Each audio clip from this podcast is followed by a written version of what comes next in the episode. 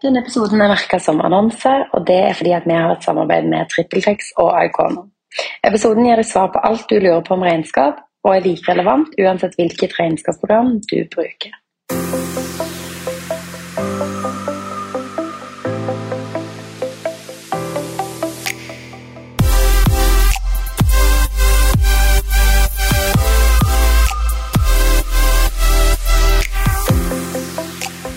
Og velkommen til en ny episode av Levelspodden.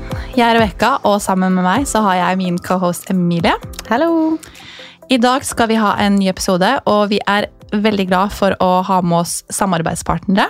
Både TrippelTex, Icono og ikke minst vår regnskapsfører Sondre. Velkommen hit. Hei, takk. I dag skal vi snakke om mange temaer som tror folk har mye spørsmål rundt. Emilie, du har kjørt en spørsmålsrunde på podden din Home with Mila. Vi skal ta for oss temaer som jeg egentlig får litt vondt i kroppen av å snakke om til vanlig. Jeg gjorde det før, men pga. masse god hjelp fra deg, Sondre, så har det blitt mye bedre. Mm. Eh, så vi skal snakke om ditt favoritt, favorittema i dag, og det er regnskap. Ja, det er en av, en av flere. En av Ja. flere. Kan ikke du fortelle litt om hvem du er? Jo, det kan jeg. Eh, Jeg heter Sondre, mm. og starta og driver Icono, da, et eh, moderne regnskapsbyrå, sammen med en god venn som heter Mats. Mhm. Eh, og jeg har egentlig bakgrunn som gründer, eh, så jeg har drevet mange selskaper opp igjennom, og regnskap er, er nå noe av det siste som jeg gikk inn i, da. For jeg syns det er spennende med bransjer som, som eh, kanskje trenger noen friske pust, da. Ja, Eh, og derfor er jeg i denne bransjen nå. Mhm. Det er spennende. Og det var jo litt derfor eh, jeg følte at det var en veldig god match for meg, at du og Emilie, som også har ja, kobla på, holdt jeg på å si, eh, at du er gründer selv, og på en måte kanskje står i litt samme problemstillingene som vi gjør. Mm. Ved oppstart, litt spørsmål man har, um, og litt sånn man ikke helt vet hva man skal ta for seg. Da, at man kanskje ser på regnskap med litt andre øyne. Mm. Så det vi gjorde i forkant av denne episoden her, var at vi gikk på Instagram ut og hadde en spørsmålsrunde og fikk en del eh, spørsmål. Mm. Både om eh, ja, alt egentlig fra det å ha et enkeltmannsforetak til det å være en eier av et AS, til eh, moms, til skatt, til det å ta ut lønn og utbytte. Mm. Så i dag så ønsker vi å svare på deres spørsmål knytta til regnskap, men vi ønsker òg å dele litt av våre erfaringer knytta til reisen vi har hatt med deg, Sondre. Fordi vi stilte mye dumme spørsmål, og stiller ennå masse dumme spørsmål. Og du Eh, sa jo at egentlig ingen spørsmål er dumme. Nei, det er det jo ikke. Så Nå er det jo veldig gøy å kunne sitte her nå da, og snakke, snakke om det. Ja, Ja. det er sant. Veldig, fordi jeg må jo si at før jeg fikk dere som regnskapsfører, så hadde jeg veldig dårlig erfaring med regnskap. Eh, I starten så gjorde jeg det selv, og gikk litt sånn inn med, med tenk, tanke på at liksom, det her skal jeg klare selv, og Mm. det gikk jo fint det når bedriften var forholdsvis eh, liten. Så gikk jeg inn i et selskap hvor jeg ikke fikk hjelp. Jeg skulle få hjelp, og ting skulle bli lettere, men det ble bare en ekstrem byrde, og vi har jo slitt med det litt sånn i ettertid, så Mm. min erfaring med regnskap var absolutt ikke god. Um, og så begynte vi å jobbe sammen, og nå ser jeg jo virkelig verdien av det, og hvordan jeg kan få veldig god hjelp, da, oppfølging, og at det er en utrolig god ressurs. Det ser jo både du og jeg, Emilie, liksom at hvor mye dere har hjulpet oss med disse tingene. Så jeg, jeg tror kanskje at flere liksom sitter med den følelsen. Hvorfor, hvorfor tror du det, og hva tror du det kommer av? Nei, jeg tror jo først, jeg tror først og fremst at, eh, som du sier, mange ser på regnskap som veldig komplisert og vanskelig. Eh, og så tror jeg vel også at mange regnskapsbyråer har gjort det litt sånn, da. Eh, så det vi har sett eh, i senere år, og som jeg syns er spennende, det er en litt sånn vridning hvor før så var det veldig stort og skummelt, og så er det regnskapskontoret som gjorde alt. Og så kom det en sånn bølge med gjør det selv, gjør alt selv. Eh, det som jeg, jeg tror egentlig ikke på noen av de to helt, da. Nei. Eh, jeg tror ikke at alle er økonomer. Jeg tror ikke at alle bør gjøre absolutt alt selv. Men så tror jeg heller ikke at du burde sette bort absolutt alt. Nei. Um, En god blanding, rett og slett. jeg, jeg tror at men, men da tror jeg det blir enda viktigere hvem du velger å samarbeide med, Mm. og hvilket system du bruker. For det må være lett å bruke, det må være lett å forstå. Og så trenger du mennesker som hjelper deg, som snakker et språk du forstår, Mm. og som skjønner eh, gledene og smertene du står i, i daglig. Da.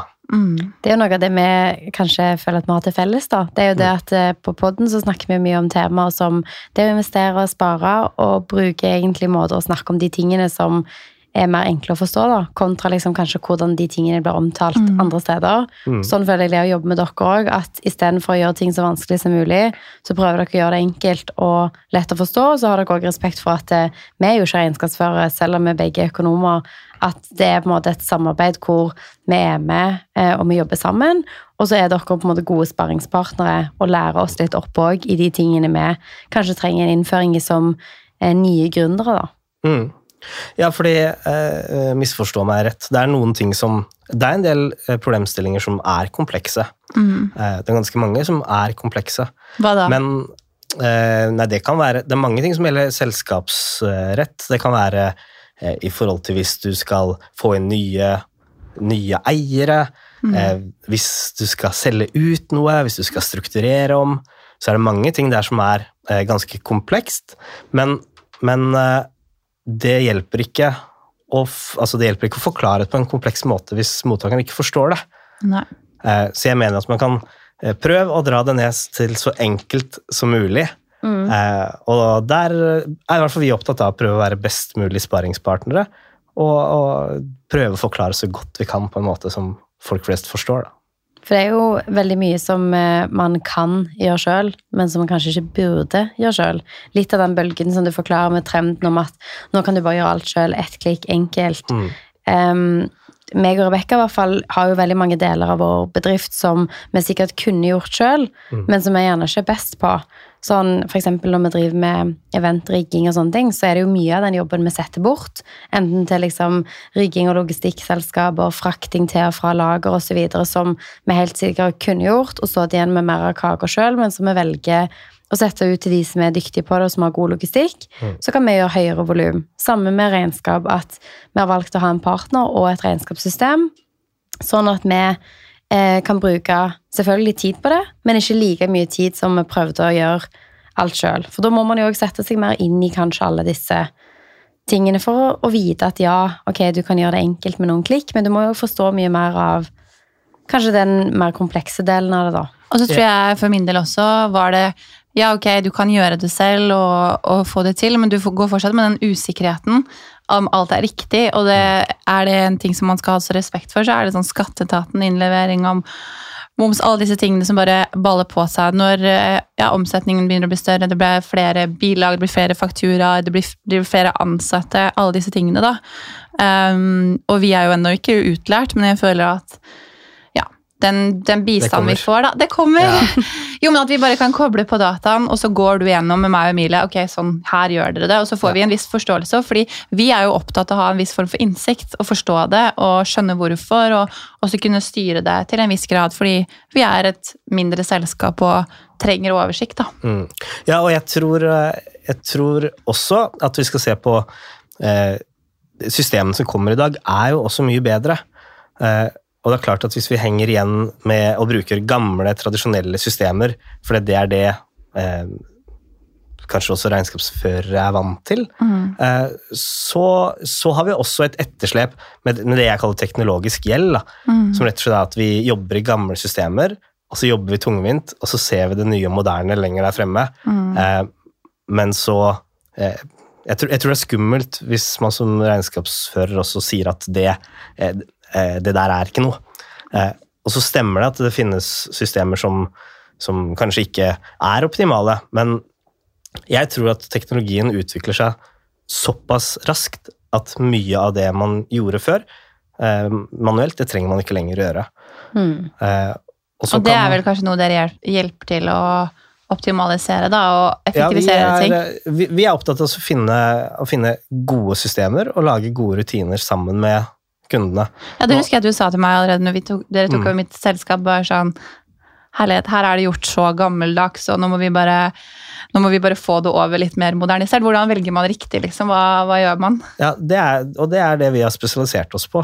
Ja. Eh, Så vi eh, eh, nå, nå jobber vi primært i TrippelTex, Mm. og det er et system som jeg har jobba med siden, egentlig siden ganske tidlig, siden rundt 2014. Eh, Men det jeg så i de tidlig, var at de tenkte nytt. Mm. Så de torde å utfordre en veldig satt bransje. Mm. Eh, og det som skjer, det som ofte skjer, er en sånn trendgreie, at flere og flere går over på den type systemer. Eh, men da mener jeg at det også blir ekstremt viktig å se hvem er det jeg knytter til meg som hjelper meg med det. Mm, Eh, Fordi systemene som sagt, systemene kan gjøre veldig masse automatisk i dag, mm, men du trenger fortsatt noen som hjelper deg og ser over deg. Mm. ja. Så skal du bruke penger på noen som hjelper deg, ha noen som skjønner de nye systemene, og så snakker sånn at du forstår det. Det er viktig. Altså, jeg kommer på et eksempel nå. Når jeg jobbet tidligere og var fast ansatt et annet sted, så hadde vi mye utlegg privat, eller med sånne firmakort. Mm. Og da var det liksom sånn at man samla alle kvitteringer som ble en sånn haug. Hvor jeg bare følte, jeg kjente bare sånn hele kroppen fikk sånn angst av å se Mm. på den haugen. Og det ble en sånn ganske sånn stor bunke etter en måned. Og så gjorde du det kanskje liksom lurer på man hadde frist hvert halvår, så du kan jo se for deg hvor stor den haugen ble. da Den ene lå i veska og i en pultskuff. Men så og- mister man og så mister man noen, og så er det helt kaos. Og, og hvis du tenker som privatperson, så er det veldig dumt eh, pga. utlegg, men hvis du tenker på en bedrift også, da, som vokser, Mhm. så blir det også ekstremt dumt, fordi at det ligger da en kostnad der som ikke du vet om. Ja, ikke Mm. Så kanskje det utlegget var til det ene eventet for deres del, Mm, hvor kunden skulle betalt det. det er det. Eh, og dere sitter og ser på tall, og dette ser veldig flott ut, og så kommer den bomba etterpå. Ja, med den det er et kjempegodt poeng. Ja. For den haugen ble jo bare større og større, og så måtte du da legge det i en konvolutt og sende det med internposten. Mm. Nå bruker vi eh, dere som regnskapsfører, og vi har en app med TrippelTex. Så når jeg da, vi har jo masse utlegg, og vi har jo masse ting som faktureres videre til kunder. Mm. Men da har man jo um, en enkel måte ta bilde med mobilen, og så kan du bare kaste den Mm. Eh, kvitteringen. Og det har redda livet mitt. Det har vært nice. Men hvis vi spoler litt tilbake til når du tok over eh, for selskapene til meg og Emilie, Mm. hva var ditt første inntrykk da? Var det litt sånn oi, shit, det her var- var det hummer og kanari? Det var et spennende spørsmål. Jo, men vi skal være helt ærlige i denne podkasten, så er kom med det. det. Det var kanskje hummer, kanari og flamingo. Ja, Ja, det var det, Ja, det var ehm, jeg, jeg husker ikke detaljene, men, men jeg husker at det var, jeg husker at det var mye å ta tak i. Mm. Eh, og så er det sånn som veldig, my, veldig, veldig mange av de kundene vi får inn, Mm. erfarer vi at de bruker systemet, men de utnytter ikke. ja, ikke. Så, så de, du kan gjerne si Jeg tror det er veldig mange av dere som hører på også, som, som kan, kanskje også bruker TrippelTex, eller bruker en type system, men ikke utnytter mulighetene. Eh, For det er så enormt masse muligheter i sånne systemer til eh, å få bedre kontroll, til å sørge for at det er mer løpende riktig, Mm.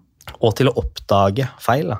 Ja, fordi det husker jeg at du sa, dere har jo trippellex, men dere har jo ikke den her på, ikke det her på, ikke det her på. Det var så Mm. mange muligheter som vi nå har brukt litt tid da på å Mm. sette oss inn i, liksom. Um, Og så for oss er det jo veldig mye rare utlegg. Altså sånn, nå nevnte jeg eh, flamingo, men det er sånn, vi driver med utleie, så er det sånn fire to meter høye flamingoer utleie. Altså, det er vanvittig mye rare ting som Ja. går inn og ut av disse selskapene. Så det Ja, jo dere er litt av de mer kreative, men, men det er jo det dere driver med. ja. Det stemmer. Um, og så, så kanskje for dere så er det nok ekstra viktig å ha noen som kan sette seg inn i å forstå hva dere driver med. da. Ja, for hvor viktig er det å forstå kunden? Fordi vi driver jo både med event og eventstyling, og så har vi interiør. Og interiørselskapet vårt er jo kanskje litt mer sånn streit. Det er eh, møbler, og det er eh, form for håndverk og diverse ting som faktureres ut. Men så er det som Emilie sier, da.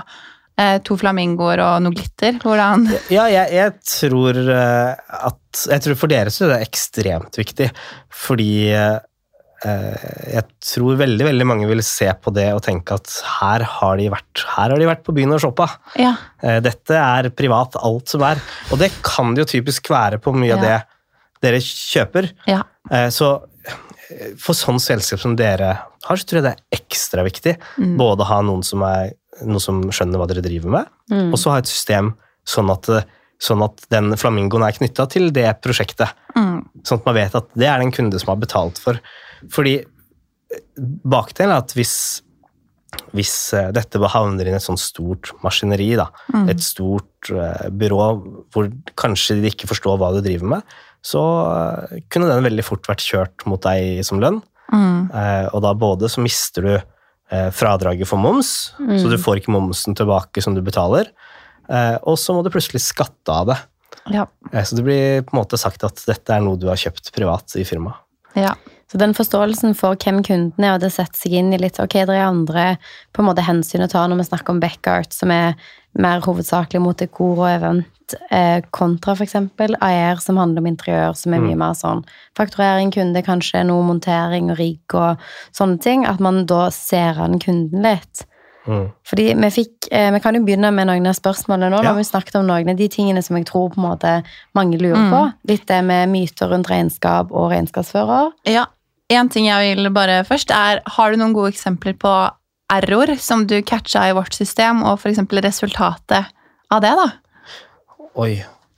Eller sånn generelt, hva er liksom typisk case? Vi er kommer, og så går dere inn der, og så kan man finne noen ting. fordi det, jeg opplevde jo at at dere kom inn, så sparte vi jo masse penger. Mm. Mm. Ja, det, vi, har jo, vi har jo flere Vi har jo også flere selskaper av litt samme type. Mm. Eh, og den mest vanlige var den jeg nå akkurat sa. Det er det at eh, en regnskapsfører er jo eh, Nå skal ikke jeg generalisere for mye, for det, det finnes utrolig mange dyktige der ute. Mm. Eh, men så er det også sånn at eh, veldig mange er vant til å jobbe med eh, mer enn den vanlige entreprenøren. Eh, det vanlige selskapet som sender en regning og får regning, og så er ting greit. Eh, så den mest vanlige feilen i selskaper som det her, er at de tenker det er privat. Mm. Eh, og da er ikke Feilen er nok egentlig ikke det å tenke at det er privat, men det er kommunikasjonen. Mm. Mm. Så er det at det- Tilgjengeligheten òg, Det er det at man ikke da sier 'hei, er dette privat'? Så det vi, når vi fikk over dine selskaper, og når vi får over lignende, så vel, det første vi gjør eh, ofte, før vi tar over, eller allerede dag én, det er at vi ser over hele regnskapet. Og da, i mange, mange tilfeller, så finner vi store samleposter knytta mot eh, eier, Mm. eh, som er private kjøp. Eh, og når vi da spør eier du, hvorfor bruker du kortet privat, Mm. så sier de ja, men det gjør jeg ikke. Ja, men hvorfor kjøpte du eh, det og det? Hvorfor Mm. kjøpte du den Flamingoen. sykkelen eller den flamingoen? Mm. Hei, ja, men den var ikke til meg. Ja, men det står her at den er knytta til deg privat. Ja, men Mm. den er jo solgt videre. Ja, hvem solgte du det til? Mm. Ja, jeg solgte den til, og så sier de et Ja. selskapsnavn. Og når vi går inn og ser, så ser vi da at oi, dette er solgt videre. De har ikke fått momsfradrag. Og det står mot den personen som privat. Og i en del tilfeller er det også da kjørt som lønn. Mm. Eh, og hvis vi ser på regnestykket etterpå, så har nok gründeren trodd at dette er veldig lønnsomt. Eh, men så har det vært ført helt annerledes i bakgrunnen, Mm. som gjør at dette var kanskje tap. Så det er jo sånne ting som er superviktig, både det å forstå samla kostnader på en kunde, og det å føre det riktig. At eh, noen av de spørsmålene vi har fått inn, og det skal vi inn på nå, er jo òg litt dette med kostnaden knytta til det å ha en regnskapsfører og et system. Og det er jo sånne eksempler som du nevner nå, som gjør at man nesten kjenner inn kostnaden Absolutt. gjennom på en måte å gjøre ting på riktig måte, da, og ha noen som er på en måte litt sånn Ok, det ble ført på den måten, det skal egentlig føres sånn, her sparer du sånn og sånn. Har du noen konkrete eksempler, og der trenger du ikke nevne kundenavn, men hvor du kan se at ok, dette er det denne her tjenesten koster, og i en eh, gjennomgang på 15-20 minutter, så ser man noen åpenbare feil som har spart kunden for mye, da. Ja, det skjer ofte. Mm. Eh, Det skjer veldig ofte. Jeg har ikke noen konkrete eksempel eh, nå i, i farta, sånn, men, men jeg tror at eh, vi er alle forskjellige. Noen har tid til å gjøre mye selv. Mm. Og har man mye tid og interesse, så tror jeg også at man bør gjøre mye selv. Mm.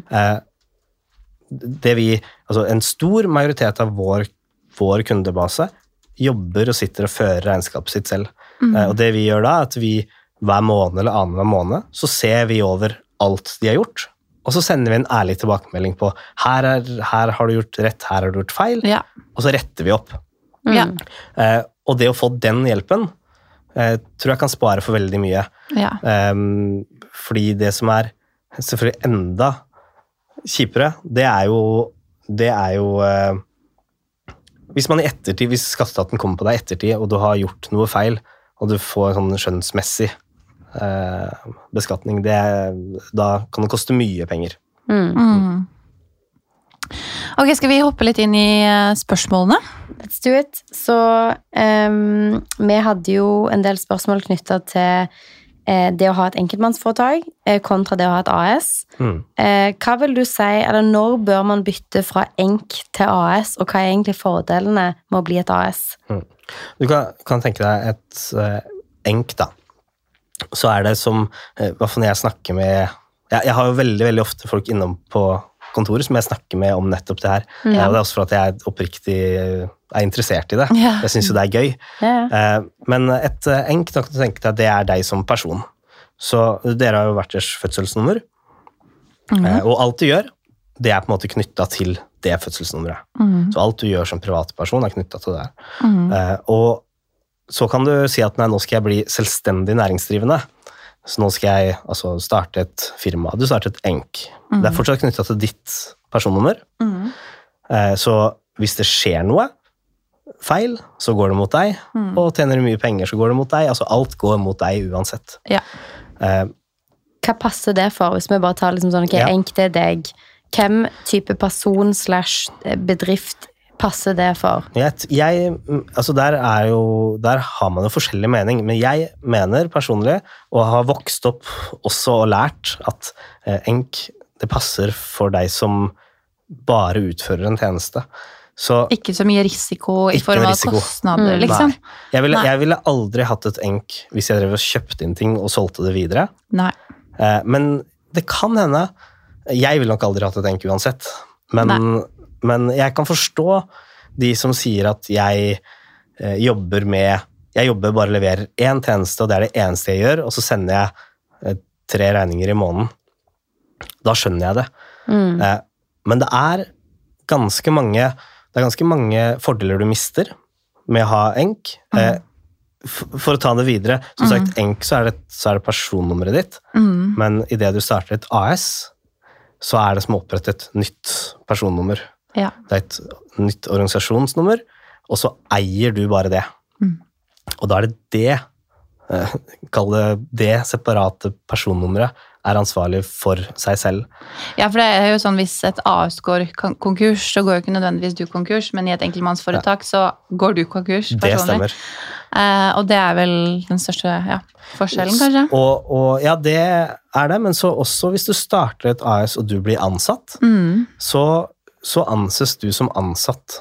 Så overfor bank og i alle, altså overfor Nav, i forhold til sykepenger, i alle tilfeller, så har du krav på det akkurat det samme som hvis du var ansatt i et annet, et annet sted. Så du er ikke lenger selvstendig næringsdrivende. Du er ansatt et sted, og så stemmer det at du eier aksjer der. Mm. Men du kan hende du eier aksjer i masse andre firmaer også. Mm. Det er mange av oss som kjøper litt aksjer, og det er akkurat samme måte. Bare at du eier alle aksjene i det firmaet, kanskje. da. Og det var jo kjemperelevant under korona, fordi veldig mange som hadde enk, hadde jo ikke typ muligheten til å permittere seg sjøl. Og det er jo noen av de tingene som man kanskje Ble du på en måte selvstendig næringsdrivende i 2018, så tenkte du ikke så mye på sånn Ja, ok, men global pandemi, liksom, Mm. det kommer ikke til å skje. Mm. Og så etter korona så tar man kanskje litt andre hensyn. og Sånn, okay, men det er faktisk ganske relevant, det at jeg kan kunne permittere meg som en ansatt i mitt eget selskap, kontra å ikke kunne gjøre det da som eh, I hvert fall hvis du lever av inntektene fra et enk, da. Mm. Ja, og, og det er både det er det det, som ansatt, eh, og så er det også hvis det skulle skje noe. Mm. Um, hvis det ene prosjektet du jobber på går skikkelig galt, eller du blir stilt ansvarlig for noe, eh, eller det går ikke sånn som planlagt eh, jeg, jeg vet ikke, jeg er glad i å sove på natta, Ja. Og så kan jeg innrømme at jeg har hatt eh, søvnløse netter allikevel, selv om det er et AS. Men hvis, jeg hadde vært, hvis det hadde vært mitt personnummer som sto på spill, Mm. så da, jeg hadde ikke sovet mye. altså. Så, så jeg anbefaler AS til de aller fleste, med noen unntak. Jeg ser at du da, Det er sikkert mange av de som hører på, som kanskje Vi tok jo faktisk en sånn spørreundersøkelse Ja. på Instagram med antall av de som hadde ENK, og de som hadde AS. Og det var jo òg faktisk noen av eh, følgerne som hadde begge deler. Eh, og det er jo litt gøy, for det er jo òg noe vi har. Vi har jo begge deler. Eh, hvordan kan man da eventuelt gå fra å eie et ENK til å eie eh, et AS? Omgjøringen der. Hvordan gjør man det? Eh, Der finnes det muligheter for det vi kaller for sånn skattefri omdanning. Eh, så, så det finnes måter å gjøre om fra ENK til AS. Mm. Eh, men da også, så bør man Det bør man få hjelp av, da. Ja. Hjelp til, så spør regnskapsføreren din, eller revis, hvis du har en revisor, eller Ja. Mm. For de som svarte på spørreundersøkelsen, så var det 11% som hadde begge. Det Mhm. går jo både meg og deg i den kategorien der, Rebekka. Mm. Og så var det 19% som hadde et enkeltmannsforetak, og 23% som var eier av et AS eller flere. Mm. Og så var det 47% som ønsker å bli gründer i framtiden. Ja. Og da er kanskje noe av det som du sier nå, da, det med å tenke over selskapsform før man faktisk starter noe. Mm. Hvis målet er å selge en enkel tjeneste hvor du kanskje selger en tjeneste to-tre ganger i måneden, kontra det å f.eks. ha et varelager, selge produkter, videresalg osv., så, videre, så bør man tenke på det. Ja, og det er jo en del, for det er jo en del mer kostnader med å ha AS.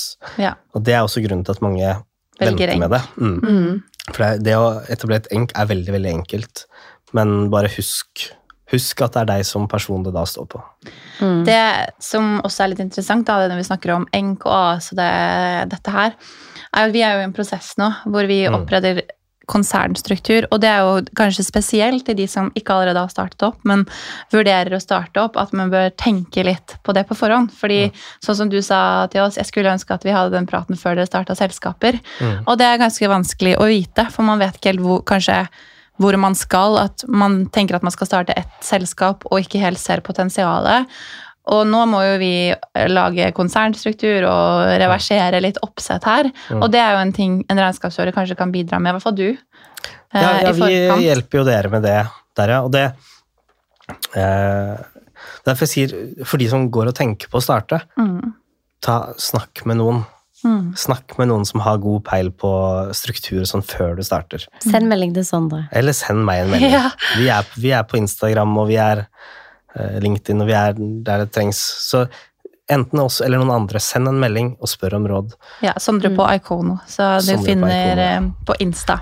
Men det er faktisk veldig lurt, fordi at akkurat det vi snakker om nå, med struktur, at det er mer hensiktsmessig for Rebekka og meg å ha et holdingselskap hver som eier våre selskaper, Mm. kontra at man eier det direkte.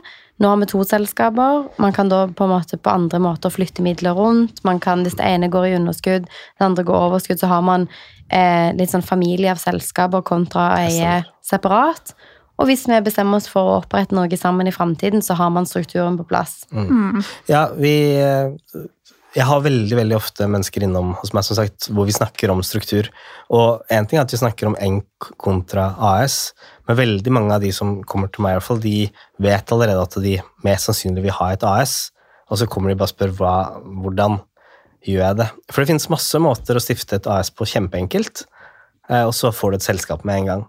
Det som det som var kjedelig for, eh, ja, for, for deres del, og for mange, det er at de starter selskapet, så eier de det privat. Så de eier bare aksjene privat. Og for, eh, for deres del, da, hvis da det ene selskapet går kjempebra, dere tjener masse penger, og dere finner ut at dere får kanskje mulighet til å kjøpe dere inn i et annet selskap, eller vil starte noe annet, Mm. så må dere ta de pengene ut privat, skatte av det, for å så kunne putte det inn i noe nytt. Så det er jo veldig sånn kost igjen, da, så man må ja, se Ja, på. så, så vel, vi tar nesten alltid den praten med de som vil starte, og sier at eh, vi anbefaler hvis du Jeg pleier alltid å spørre hvilke ambisjoner har du. Ja. Er ambisjonen at jeg skal starte ett firma, og det er det jeg skal holde på med? Jeg vil ikke ha noe annet, jeg vil ikke, jeg vil ikke investere noe annet. Nei. Og jeg vil bare ha ut mest mulig penger. Da kan det hende at det er en grei idé å bare eie AS-et selv. Men for alle, og de aller fleste jeg snakker med, har noe mer ambisjoner, og de har noe mer drømmer. Og da er det bedre å ta den med en gang. Så da starter du altså et, eh, et aksjeselskap, som er ditt det vi kaller for holdingselskap, Mm. Det er liksom morselskapet, kan man Ja. oversette det til. og så eier det igjen aksjer i andre selskaper, og da ditt selskap, da. Så det betyr at hvis, hvis man gjør det, og, og la oss si her Beckhart går veldig bra, eh, så kan man flytte penger opp da til morselskapet eller holdingselskapet, og så kan man investere det i noe annet. Mm. Og da kan man, og da, de pengene som går opp da, det betales det ikke skatt på. Før man realiserer pengene. Eh, ja, det blir, tas ikke skatt når det tas opp Står til i selskapet. Det er litt Ja. som en aksjesparekonto, bare et selskap. Ikke sant. Så bra. Så, så Eh, idet du tar det ut privat, da må du skatte av det. Men vi er mange som har mer ambisjoner enn det, og da kan vi flytte en del rundt der uten å betale for mye skatt, før den dagen vi vil ta det ut og bruke det privat. da. For den samtalen som vi har nå, den hadde jo jeg når jeg hadde et møte med dere i forrige uke òg. Fordi Mm. jeg har jo AS sammen med deg, Rebekka. Mhm. Flere. Mm. Men så har jeg òg et enkeltmannsforetak som er de kampanjene jeg gjør gjennom sosiale medier. Mm. Og da var det en av dine kolleger som sa ok, men hva er framtiden av det? da? Du driver med eiendom. Kanskje du skal kjøpe, kanskje ditt enkeltmannsforetak i framtiden skal kjøpe leilighet? Mm. Hvordan vil det se ut? Vil du ha muligheten til å gjøre de tingene? Og den type sparring med litt sånn, ok, hvor er det du ser for deg at dette her blir i framtiden, Mm. er jo da avgjørende for omgjøringen til at det blir et AS, sånn at. AS har muligheten til å gjøre de tingene i framtiden. Mm. Da kan man jo kostnadsføre veldig mye av de tingene som er knyttet til oppussing, f.eks. Mm. Mm. Så det er sånne ting som er litt sånn, ok, det var spennende. Der kan man på en måte Jeg tror eh, selskapsstruktur og enkeltmannsforetak AS og sånn, vi kan sikkert snakke om det til en hel episode. Ja. Men jeg tenker at vi skal fortsette litt videre på det som også dreier seg om regnskap, for vi har fått mange spørsmål. mm, Eh, Det her kan jeg kjenne meg så igjen i. mm. Jeg er redd for å gjøre galt i forhold til regnskap. Kan jeg ta et kurs? Ja, det det finnes spørsmål? masse kurs. Eh, Trenger man kurs hvis man har regnskapsfører, Det er jo offentlige kurs òg. Når du Det- blir eh, det er eier det. av et eh, enk eller et AS, så får du melding i Altinn. mm, ja, ja det, det finnes kurs, men jeg tror også at eh, veldig, veldig mye går eh, delvis automatisk i dag, så lenge du har et godt system. Eh, så, så eh, for eksempel her som jeg snakker om, TrippelTex, så, så er det så mye som kan gjøres automatisk. Det er så mye som, som gjør at du slipper å tenke på det. mm, Men det er jo likevel viktig å forstå hva som skjer. mm, Eh, og der er typisk eh, de systemleverandørene har veldig ofte gode, gode forklaringsvideoer og forklaringer. mm. Eh, og så tror vi på å ha også en regnskapsfører som kan hjelpe deg å forklare det. Mm. Så det, det vi gjør med våre kunder, og, og, og jo med dere inkludert, er, er at vi kobler sammen på noe som heter Slack, Mm. sånn at vi kan snakke sammen hver dag. Og da kan man stille spørsmål og snakke og diskutere Mm. i, eh, ja, i det fora, da. Mm. Ja, vi stilte noen spørsmål tidligere i dag på noe annet, så det kommer jo ting hele tiden også. Det Mm. opplever jeg som en veldig god form for kommunikasjon som jeg føler er en key, da. I forhold til det å kanskje ha et godt samarbeid med regnskapsfører og bruk av system. Mm. Um, for det var det jo liksom nettopp det med system og litt hvordan man skal gjøre ting. Um, så det, men det jeg kanskje tenker også sånn personlig, er jo eh, nå har jo vi liksom økonomisk bakgrunn begge to, så man kan jo en del av disse uttrykka og forklaringer og sånn, men jeg har også brukt en del tid på å lese meg opp på ting, hva ting faktisk betyr, hva er det eh, Altså sånn moms, hva betyr egentlig det, disse tingene? Og det er neste spørsmål. Hvordan fungerer MVA? Mm. Ja, ehm, hvis vi skal forklare det enkelt, så er moms er jo Jeg skjønner at det kan virke litt sånn skummelt for mange, men det er, det er egentlig ganske enkelt. Eh, moms er bare en, eh, en eh, skatt som på en måte havner på alt det vi selger. Så hvis, hvis jeg eh, Hvis vi tar enkelt først Hvis jeg selger en tjeneste til eh, 10 000 kroner til noen, så skal jeg legge på moms der.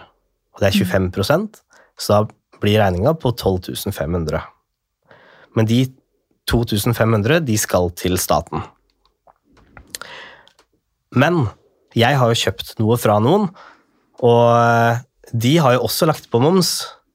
Så for å slippe at man på en måte betaler moms på moms på moms på moms, Mm. det ville jo sikkert veldig bra for staten, men veldig dumt for oss, Mm.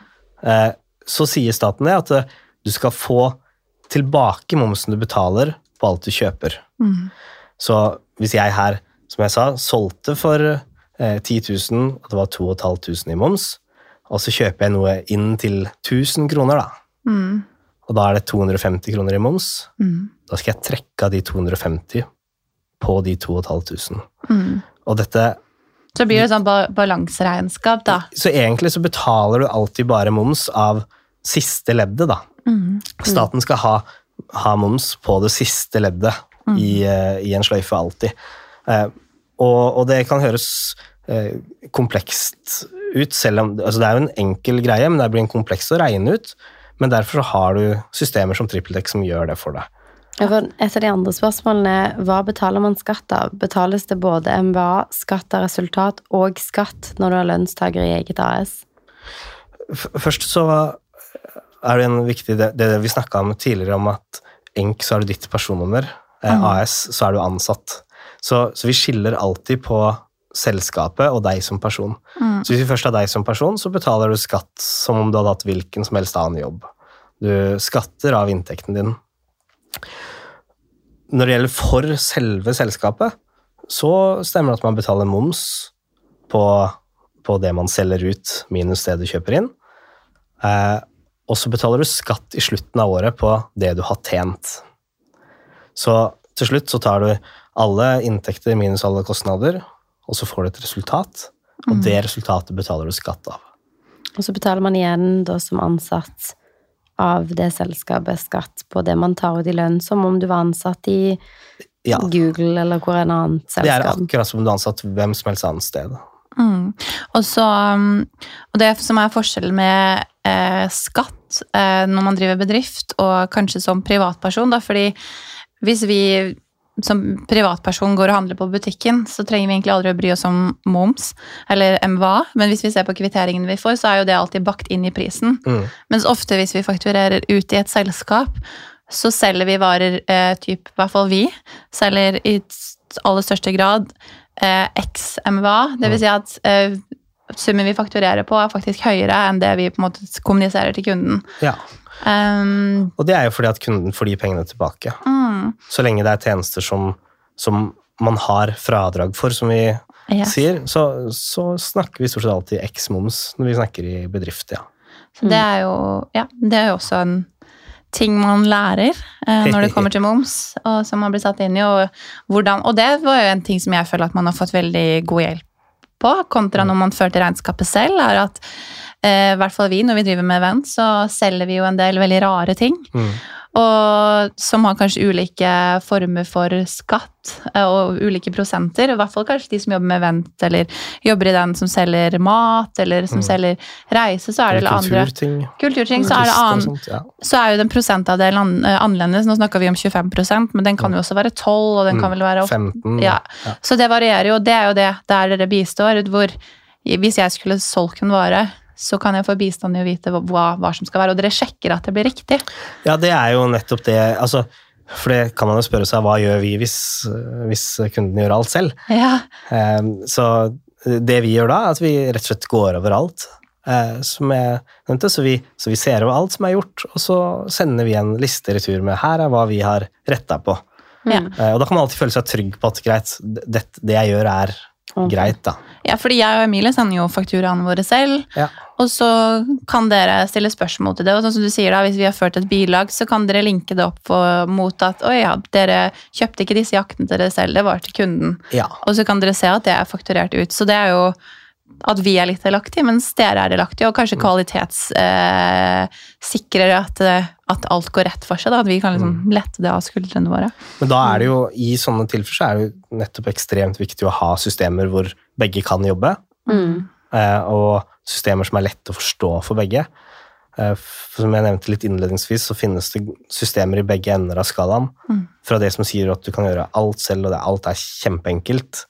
Men, men det er jo ikke helt sånn. Du bør fortsatt Når ting er kjempeenkelt, så kan du fortsatt gjøre feil. Mm. Ja. Og så har du andre enden hvor alt ligger et annet sted, og du ser ingenting av det. Mm. Eh, og ingen av de tror jeg er gode løsninger. Den beste løsningen er finn noen som du jobber tett med, som, som gir deg råd og hjelper deg. Eh, og så bruk et system som du forstår. Eh, om ikke like godt, så i hvert fall tilnærmet like godt som regnskapsførerne. Det er gode tips. Altså Mye av det vi fikk inn i spørsmålene, handla mye om akkurat dette. Det var redd for å gjøre feil, moms, skatt, men òg veldig mye knyttet til temaet lønn. Så neste spørsmål det er eh, hvordan gjør man det med lønn pluss utbytte som eier av et AS? Er det regler for hva du kan gi deg selv i lønn?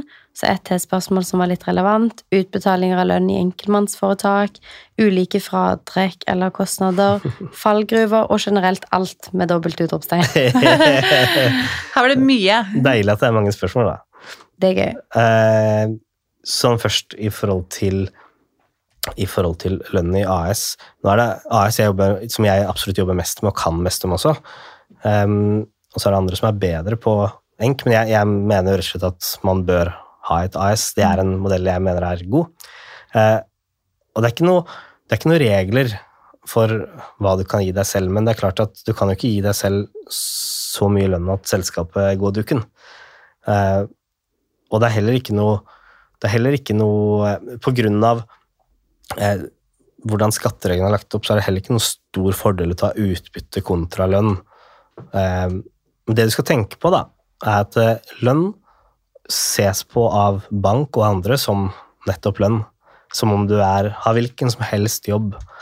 Så jeg ville tenkt eh, gi deg selv en fornuftig lønn. En fast, repeterende, fornuftig lønn. Eh, for det viser også noe overfor banken. Eh, så når du skal ut og eh, kjøpe deg bolig, gjøre ting, så er det kjempeviktig. Og banken er nok ikke like glad i at du kommer inn og sier ja, men det er litt sånn opp og ned. Forrige måned hadde jeg 200 000, og så har jeg to måneder som ikke har penger. Så tenker du at det er sikkert sånn alt i alt så blir dette fint, men jeg tror ikke banken tenker sånn. Det er jo, altså Nå skal ikke jeg si akkurat uh, og uttale meg på vegne av en bank, men som noen som har jobbet i bank i mange år, så er det jo veldig varierende bransjestandard. Mm. De aller fleste bankene liker sikkerhet, mm. og sikkerhet er fastlønn. Ja. Så hvis man har fastlønn, så er det supert, men veldig mange banker tar også høyde for bonusutbetalinger over tid og i disse tilfellene utbytte. Mm. Spesielt hvis det er snakk om eiere, holdingselskaper osv. For da vet man at i hvert fall de kundene vi jobbet med, var det absolutt bransjestandard at de hadde kanskje en ganske lav eller tilsvarende markedslønn, mm. og så var hovedstolen av inntektene deres utbyttebasert. Og da er det jo kanskje mer formuende kunder, men en kombinasjon så er det jo litt hva bank du har òg, selvfølgelig. Ja, og jeg tror det som du sier, når du snakker hvis man har litt mer penger, så tror jeg at det veldig ofte er sånn. Mm. Eh, men det er klart at som gründer, eh, som vi snakker mer om her, så tror jeg banken liker eh, det trygge, stabile ja, ja, dette vet vi kommer inn hver måned. Mm. Og, og, sånn er det jo også at, som jeg sier, er man ansatt i eget AS, så er du ansett som ansatt. Så du har krav på det samme som andre ansatte har, da. Mm. Ok, neste spørsmål. Eh, når bør man ansette regnskapsfører? Det spør du regnskapsføreren om. Ja. Du mener med en gang, du. I går. Hæ? Du mener at man ja, ja. i går, før man svarte? Ja, altså, eh, når man engasjerer en regnskapsfører Jeg mener jo, og jeg skjønner at det kan virke inhabilt, men av selv når jeg har drevet ting, så har jeg, jeg har aldri gjort noe uten regnskapsfører. Det har aldri vært noe tema. Eh, det ville vært for kostbart. Men, så, så, jeg ville gjort det fra tidlig. Jeg ville gjort det egentlig fra før du starta, så burde du snakke med noen.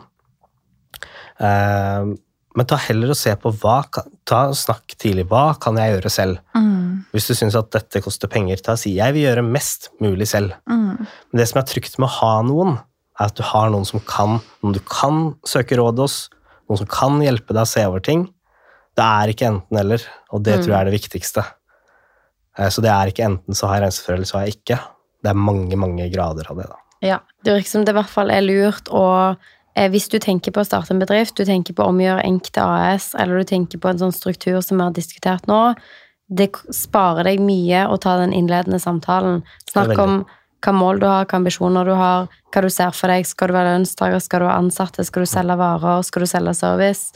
Hva enn det skal være. Og så kan man lage løsningen deretter, ja. kontra at man går reaktivt inn. Og sånn 'Å, da, men det ble dette', eller 'det ble sånn'. Det blir nesten alltid dyrere. Ja. ja. Og så for, for, min del også, så brukte jeg ekstremt mye tid på ting, og så ble det fortsatt feil. Sånn, mm. Jeg brukte så mye tid på knoting som bare mm og tid er penger. Hvis du ja, ja. kan da bruke de fem-seks timene jeg har sikkert satt med det hver uke, på å heller tjene penger, så er jo det en, kanskje en liksom, kostnad du er villig til å ta. Da. Du må se litt på se litt på totalen her. Um, fordi jeg er mye mer effektiv ute. og Jeg kunne tjent flere tusen på den, eh, den tiden. Eh, og da hadde jeg dekket den kostnaden og alt. Og du hadde kanskje brukt en brøkdel av tiden. Ikke sant? Ja, ja, jeg tenker sånn selv, vi snakker litt om det her tidligere, og jeg, jeg, jeg også tenker sånn selv at jeg setter vekk ting som, som jeg vet andre er mye bedre på enn meg. Er Og så kan jeg bruke tida på det jeg er god på. Og, det, og grunnen til det, det, har vært, det er nesten litt sånn floskel, for det blir sagt så mye. Men det er noe i det. Ja. Eh, Og jeg tenker for sånn selv at det er en del ting som det finnes andre som er mye bedre på enn meg, og de skal få lov til å gjøre det.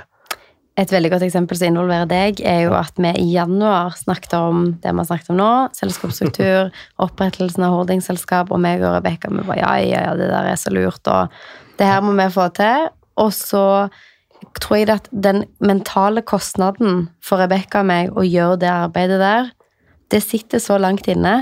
Det er så mange andre ting vi heller på en måte plutselig kom opp i. Å, kundejobb, og vi skal det, vi skal fakturere det, vi skal gjøre sånn og sånn. Starte Så- podkast midt i det. podkast skulle vi gjøre, og, og alle sånne ting. Plutselig bygde vi TV-sett og holdt altså sånn, vi, Fordi at det er noe som koster oss mye, så Ja. gjorde vi det seint.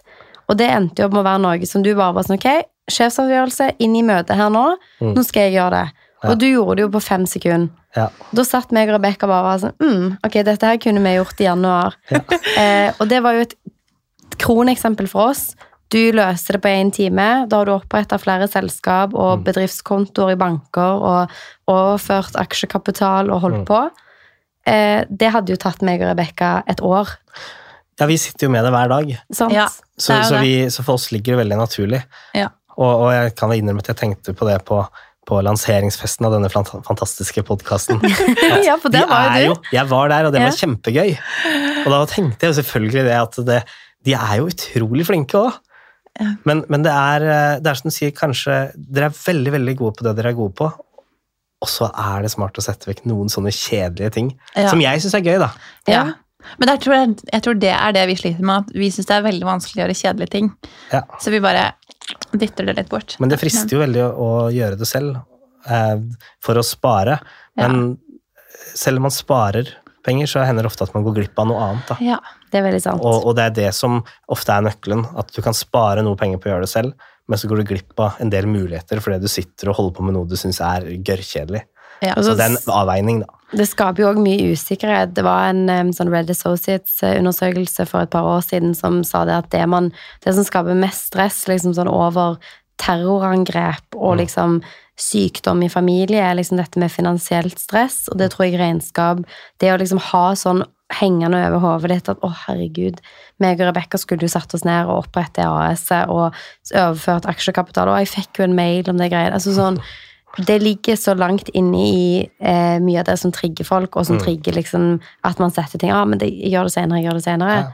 Sånn at det er veldig viktig, selv om man kan si det tusen ganger, gjør de tingene du er dyktig på. Mm. Hvis du driver et AS eh, hvor du selger konsulenttimer, gjør det. Mm. Og så kan du ha en dyktig samarbeidspartner og et system som gjør at de gjør det de er gode på. Du kan selge mer timer fordi du bruker tiden din på det. Mm. Så kan du senke skuldrene med at alt annet er ordna. Jeg gjør, Og gjør- jeg gjør akkurat det samme selv. Jeg har Ja. hatt en kjip vegg på kjøkkenet i eh, to år, liksom. oss? Jeg vet det. Ja, det er jo gøy Og, for og, oss. den, og den veggen har vært der altså, i to år, og den har vært så kjedelig. Ja. Det har vært en helt naken vegg. For du skjønner, jeg kan få satt opp dette kjøkkenet, og det ser bra ut, Mm. men denne touchen ja, det var det, da. ikke sjans. Og hvis jeg tenker, når jeg tenker tilbake på det, da, eh, og den type ting og andre ting, tenker jeg hvor mye kapasitet brukte jeg på å irritere meg, tenke og utsette. Mm. Altså, jo mer ting du har i livet ditt som du bare utsetter og utsetter, eh, jo hardere press tror jeg det er for deg også. Da. Ja. Mm. Um, og sånn er det i hvert fall for meg. Så Kjenner alle, alle kjenner til hvor deilig det er å komme à jour. Ja, ja. Mm. Ha en sånn ajourdag hvor Fantastisk du bare får følelse. satt vekk alt mulig rart. Det, det føles så nydelig. ja det Og sånn tror jeg det også er med disse tingene. Da. Så la folk som er gode på det, gjøre det. Ja. Uten tvil. Neste på lista har vi jo egentlig svart på. Om man tjener over 100 K, bør man regnskapsfører da? Ja, svarer jeg da, for det har Ja. du allerede svart på. Mm. Så da tok jeg den. Eh, neste spørsmål. Hvor ofte må man betale MVA? Vi har jo Vi, vi ser på eh, moms annenhver måned. Så eh, moms beregnes det som heter terminvis. som betyr januar og februar. Eh, alt du har kjøpt og solgt i januar og februar, det jobber ofte regnskapsføreren eller noen med eh, gjennom mars. Og så er det midten av april. Mm. 10. april. Eh, og sånn fortsetter det da. Så eh, mars-april, da er vi i juni, eh, og så. Og det som gjøres når vi da eh, gjør det her, at da ser vi på hvor mye har du solgt, hvor mye er kjøpt inn, og så går det mot hverandre. Og da, når de spør hvor ofte må vi betale moms, så er det hvis du har solgt mer enn du har kjøpt, så må du betale moms. Men hvis du av en eller annen grunn har kjøpt mer enn du har fakturert ut, så får du moms tilbake. Mm. Dette er kanskje noe vi kunne lagt og lagt ut på Leverspodden på Instagram. Absolutt. At man kunne lagt noen litt sånn her er frister, litt sånn oppsummerende for mange av de tingene vi har snakket om her. Fordi det er sånn, hvert fall sånne ting som man kan lagre på Instagram, komme tilbake til. Du kan lage deg en liten mappe på Instagram hvor det står regnskap, huskelister. Mm. Så kan du lagre disse tingene som vi legger ut nå, Mm. med litt sånn huskelister, datoer, ting å tenke på. Mm. Så blir det ikke så overveldende. Absolutt. Det- Eller og følg oss på Instagram. Og så følg vi dere på Instagram. legger ut, vi legger ut når det er frister, vi legger ut når det er ting du må huske på. Lurt. Så det å følge Ikono på Instagram også er, er en måte å holde seg oppdatert på. Og vi får også påminnelser når vi må gjøre våre ting, så det er veldig fint. Um, bra. Neste spørsmål. Yes. ehm, vi har snakket om vårt eget behov for økt innsikt og lønnsomhet i Mm. våre selskaper, og det gjør jo jeg i Excel, bare. Mm. Jeg setter opp og jeg tar ut fra TrippelTex, tar ut fra de tingene vi har kostnadsført, det vi har fakturert til kunde, og lager en oversikt. Men vi ønsker jo gjerne å forbedre vår egen forretning og se på muligheter, Mm. eh, type lønnsomhet, hvilke prosjekter vi bør fortsette å gjøre, og hvilke vi kanskje bør slutte å gjøre. Og der har jo TrippelTex tilgang på veldig mye rapportering, rapporter, prosjektoversikter. Det er jo en verktøy, eller et verktøy som vi ikke har begynt med ennå, men som vi vil bruke mer av i framtiden for å få nettopp den oversikten. Hva type innsikt er det vi får? ja, vi har veldig vi har veldig mange kunder som bruker masse av mulighetene som ligger i TrippelTex med prosjektstyring. Eh, og det, det er enda enklere for, de, eh, for dere som hører på, som, som vil ha en virksomhet hvor du kjøper inn ting, og så selger du ut igjen. eh, Hvor du får faktura, og du sender faktura. Eh, Så er det masse, masse muligheter. Eh, For deres del så er det jo veldig Så er det jo også en, en del eh, Visa-kjøp. Det er en god del ting som blir betalt med kort. Eh, Og det fungerer, men, men det er klart at jo mer dere kan klare å få faktura på, ikke betale med visakort, jo bedre er det. Fordi teknologien er bygd sånn. Den er ikke bygd eh, like godt for en kvittering med et bilde av. Jeg føler du ser veldig mye på meg akkurat nå. Jeg prøver å se like mye på begge to. Jeg tenkte på det. Um, Det er notert. ja, Notert. så, så mest mulig på en faktura. Nå, nå skal det være sagt TrippelTex eh, litt, det vet jeg ikke om dere vet, men en litt spennende ting er at når du tar et bilde, så, så tolker den også kvitteringa. Så den prøver å skjønne hvem, eh, hvor er dette kjøpt, hvor mye er det. Ja, det har jeg oppdaget, at det står bare sånn Summen er allerede regna inn, jeg kan bare registrere Yes. prosjekt, og så og det er noe av det som er gøy med den type systemer. At det, den, det kommer mer og mer sånn funksjonalitet. Da. Men for å svare på spørsmålet ditt om rapporter, Mm. Så, én ting er rapporter, men en annen ting er all muligheten du får til å oppdage ting. Så si, si at dere skal gjøre et eh, at dere for dere selv skal gjøre et prosjekt. da. Dere blir enige om at eh, vi skal eh, gjøre et event sånn og sånn. Det kommer til å komme på 30 000 kroner pluss moms. Og så begynner dere å jobbe. Og da er det noen ting som er viktig. Det ene er at dere stempler timer. Mm. Det høres rart ut å stemple timer i egen bedrift, men det er veldig smart. Det er veldig nyttig, for Ja. det setter ting i perspektiv for oss òg. Så Ja, det er dere, vi skal begynne å integrere nå. så kanskje dere har starta og, og blitt enige om at vi skal ha en fast pris. Mm. For det er mange kunder ønsker nettopp en fast pris. Og da blir det enige om at greit, en fast pris. Da er det viktig at dere stempler timer på det prosjektet, og så er det viktig at alt dere kjøper inn der, dette, det er kjempeenkelt. Inne på bilaget så velger man det her hører til det prosjektet. og så få ta det som typisk skjer. Det er det at, Og jeg kjenner jo eventbransjen selv. Og det som typisk skjer, er at det dukker opp noe. Så dere må kjøpe Én eh, person på det eventet sier at nei, vi må ha en rød løper. Jeg vet ikke det var avtalen, men vi må ha det. Og vi må ha det nå. Mm. Ja, men du skjønner, det kommer i tillegg. Ja, ja, selvfølgelig. Og så løper av gårde og får tak i en rød løper Mm. eh, og ruller det ut, og det er god stemning. Hvordan, hvordan passer du på at den blir fakturert etterpå? Eh, og, og da kan man gjøre manuelle varianten og lage det på fakturaen, men det er fort å glemme hvis du er en hektisk hverdag.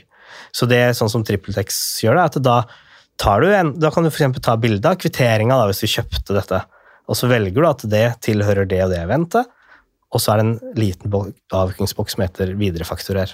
Mm. Og når du trykker på den, går det så automatisk. går det automatisk på neste faktura. Men kan man da legge på, fordi hvis jeg skal viderefakturere noe jeg kjøper, Mm. eh, så det er jo sånn veldig mange businesser fungerer, at de selger med et påslag. Kan man justere det? Ja, og da setter du det Det er det her som er at hvis du gjør ting grundig fra start, så når du har laga prosjektet, så velger du hvor mye påslag skal jeg ha hvis det kommer på ekstra ting, Mm. Ehm, og, og, og hva er fastprisen? Eller skal jeg ha en time for time-pris?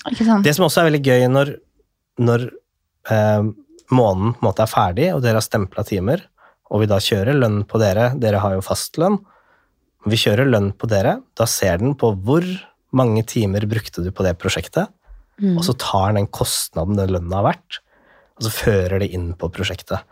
Så etterpå da, så kan vi hente ut en rapport, og det kan dere gjøre selv, hvor du da kan se så mye fakturerte vi ut, så mye har vi kjøpt inn av kostnader, og så mye var lønnskostnader. Mm. For det gjør jeg manuelt i dag. Ja, det er ikke nødvendig. Og det, Passer regnskapsfører på om det er nok penger på konto? Det er siste spørsmål.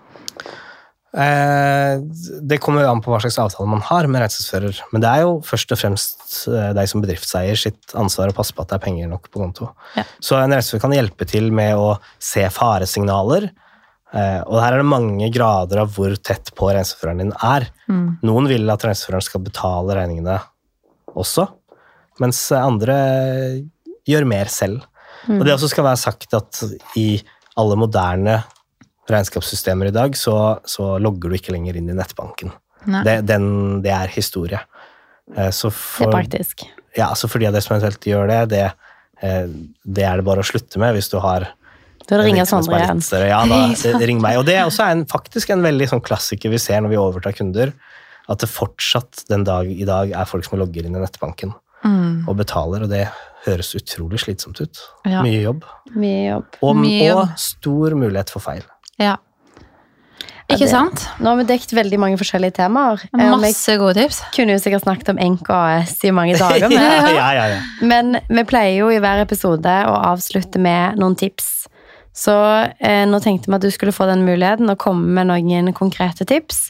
Kanskje retta mot de som da enten er bedriftseier i form av et enkeltmannsforetak eller et AS. Hvilke ting bør man huske på? Husk på, eh, som jeg sa, husk på hvem du spør om råd. Og husk å spørre om råd. Eh, I dag så finnes det det finnes masse informasjon der ute, eh, og det finnes også masse informasjon på sånn som den podkasten her. Det finnes ting på Instagram, det finnes mange steder. Eh, Men husk i tillegg også bare få, få drodla med noen. Mm. Noen du kjenner godt, som du vet er god på dette. Eller, eller ring meg, så drodler vi. Mm. Eh, Så ha en god rådgiver, og så gjør nøye vurderinger på skal jeg ha AS eller ENK, Mm. og skal jeg eie aksjene direkte eller via et holdingselskap. Og som vi har snakka om, eh, vurderingene du gjør, det er hvilket, altså hvilket ambisjonsnivå har du? Hva er det du ønsker å gjøre lenger frem? Så tenk litt lenger frem enn de neste månedene. Prøv å tenke noen år. Mm. Eh, og så er det å velge et bra eh, system, et bra økonomisystem. Og min anbefaling der da, det er å velge et som du kan vokse med.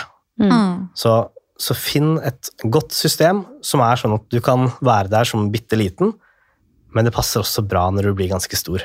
For det skjer, og noe av det mest smertefulle akkurat når det gjelder økonomi, i hvert fall, da, for mange bedrifter, sånn økonomistyring, det er jo når de må bytte. Mm. Um, for at du mister mye historikk, og det er en veldig, veldig omfattende og stor jobb. Mm. Så, så velg et system. Eh, som jeg nevnt, vi bruker TrippelTex. Det er i hvert fall bygd for de små, og det er noe du kan vokse veldig bra med.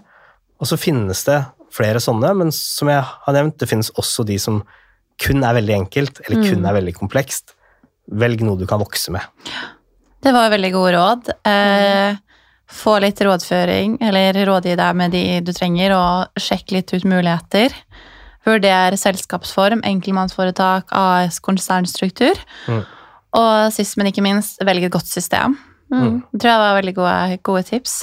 Tusen takk, eh, Sondre, for Ja, takk for eh, at du deler dine, dine fantastiske erfaringer og kunnskapen rundt regnskap, og kom med masse gode tips. og Vi skal, ja, og vi skal legge ut noen tips på Instagram. Eh, vi kan også linke til dere, så da, Ja. hvis noen har spørsmål direkte til deg rundt disse temaene, som vi tror veldig mange har, så kan dere finne dere der. Mm. Eh, er det andre spørsmål, så er det bare å sende meg og Emilie en melding på Levelspodden eller privat, eller ja. Eller sende direkte til Sondre. Nå er får du kontakten på vår inn- Nå bare renner det inn. Nei, Vi er glad i å hjelpe folk. Vi er, vi er, vi, det er jo litt av grunnen til at vi driver. Vi elsker folk som vil starte og vil skape. Ja. Det er et veldig godt utgangspunkt, for dere har jo samme, eh, samme erfaring sjøl. Dere er Ja, gründere, dere liker folk som eh, kaster seg ut i ting og, og skaper noe. Ja. Tusen takk. Tusen Takk. takk. Vi okay. snakkes i neste ha uke. det.